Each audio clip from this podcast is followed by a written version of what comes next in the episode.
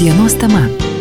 Dienos tema radio stoties FM99 eterėje studijoje prie mikrofono Liudas Ramanauskas, mūsų pašnekovas Lietuvos pabėgėlių registracijos centro vadovas Mantas Trutskus. Mantai, laba diena. Labą dieną. 41 karo diena Ukrainoje, Lietuvoje beveik 40,5 tūkstančio pabėgėlių iš Ukrainos, tūkstantis vaikų atvyko jau be palituvų, be tėvų, be artimųjų. Kokia situacija Lietuvos pabėgėlių registracijos centre šią dieną?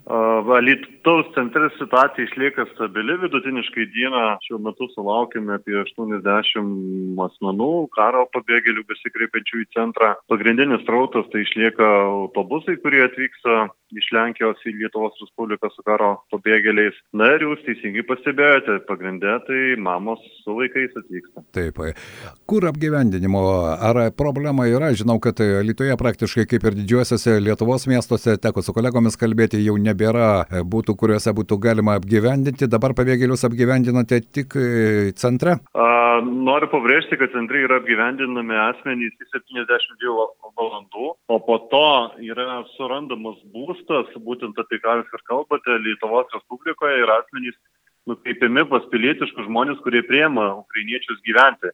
Tai žinoma, tokių būstų sistemoje, būtent stiprus kartu sistemoje kažkiek tai mažėja nuolatos, bet dar tikrai galimybių yra ir tikrai randame tiem žmonėm, kur apsigyventi Lietuvoje. Dar vienas klausimas, tai yra savanoriai, kuriems irgi reikia ko gero tam tikrų mokymų, ar vykdomi kažkokie mokymai man tai ir žinau, kad nemažai jaunų žmonių, na ir gimnazistų, kuriems reikia ir socialinį darbą dirbti, tokiu būdu jie irgi savanoriauti nori, bet ko gero tam tikro pradinio pasiruošimo irgi reikia. Ar štai Alitaus centrai jūs irgi vykdote ir mokymus? A, savanoriai, matote, centre dirba pas mus skirtingos nevyriausybinės organizacijos, tai Raudonasis kryžius, Maisto bankas, gelbėkit vaikus ir niekino vaikai. Tai kiekviena organizacija pati ir apmoko savo savanorius, nepavadinkime taip. Be abejo, pravedam tam tikrus mokymus dėl darbo, kaip pavyzdys, sistema, kurioje ieškome būsto.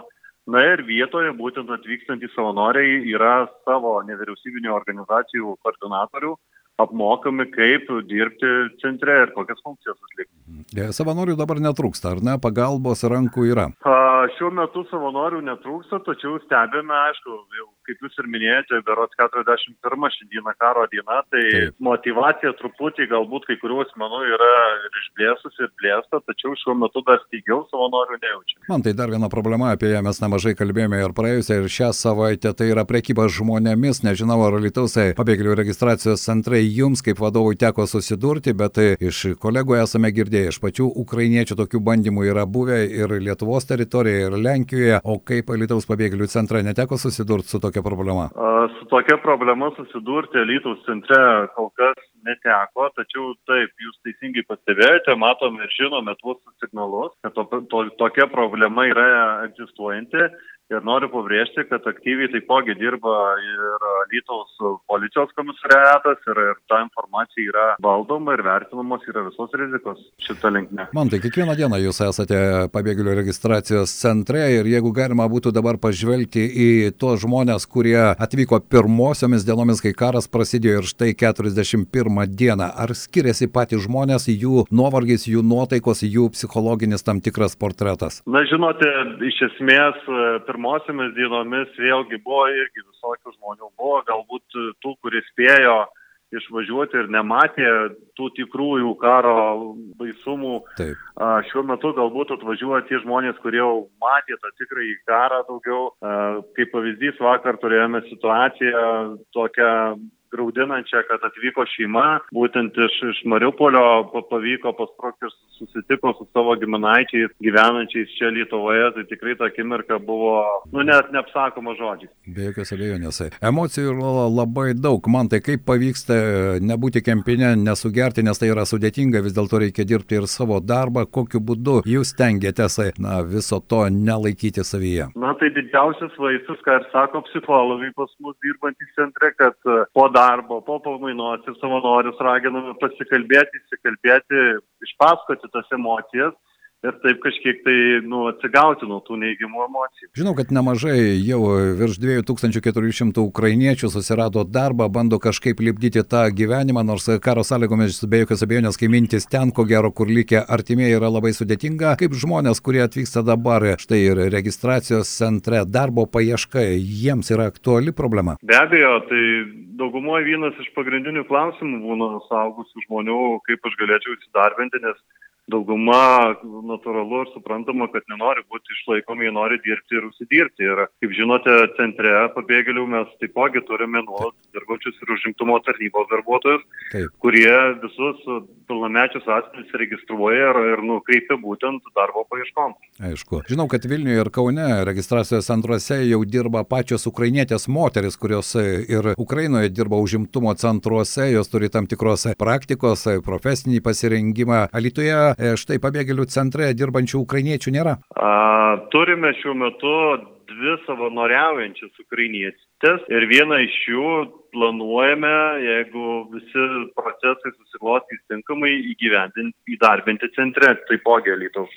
Vieną Ukrainos pilietį. Nes ko gero tokie žmonės irgi reikalingi ir registracijos centre, ar ne? Jie gal greičiau suranda tą kontaktą su savo kraštiečiais, su savo tautos atstovais. Tai be abejo, visiems, manau, būtų maloniau ir saugiau, kada atvyksti kažkur į svetimą šalį ir tave pasitinka tavo tautietis, kuris dirba, kuris tau paaiškina, kad čia viskas gerai, čia tu saugus ir, ir gausi visą reikalingą pagalbą. Man tai štai šiandien kalbėjau su vienu iš mūsų klausytojų, kuris sako, pastebėjau prekybos centre ukrainietės, kurios ieškojo apsipirkti maisto produktų ir ruošiasi pirkti vokiškas bulves, kuris sako, aš iš savo praktiko žinau, kad tai nėra pats geriausias variantas ir jas nuvežiau į turgelį, parodžiau gerą žmogų iš ūkininką, iš kurio tikrai perku ekologiškas bulves, sako, kaip jos man žmogiškai dėkojo. Tai tokių ko gero kasdieniškų gyvenimiškų istorijų alytų Lietuvoje yra ne viena. Na, matyt, kad ne viena, gal čia daugiau klausytojai turėtų papasakoti tų istorijų, nes, nes daugiau gal lankosi parduotuvėse, mato tų daugiau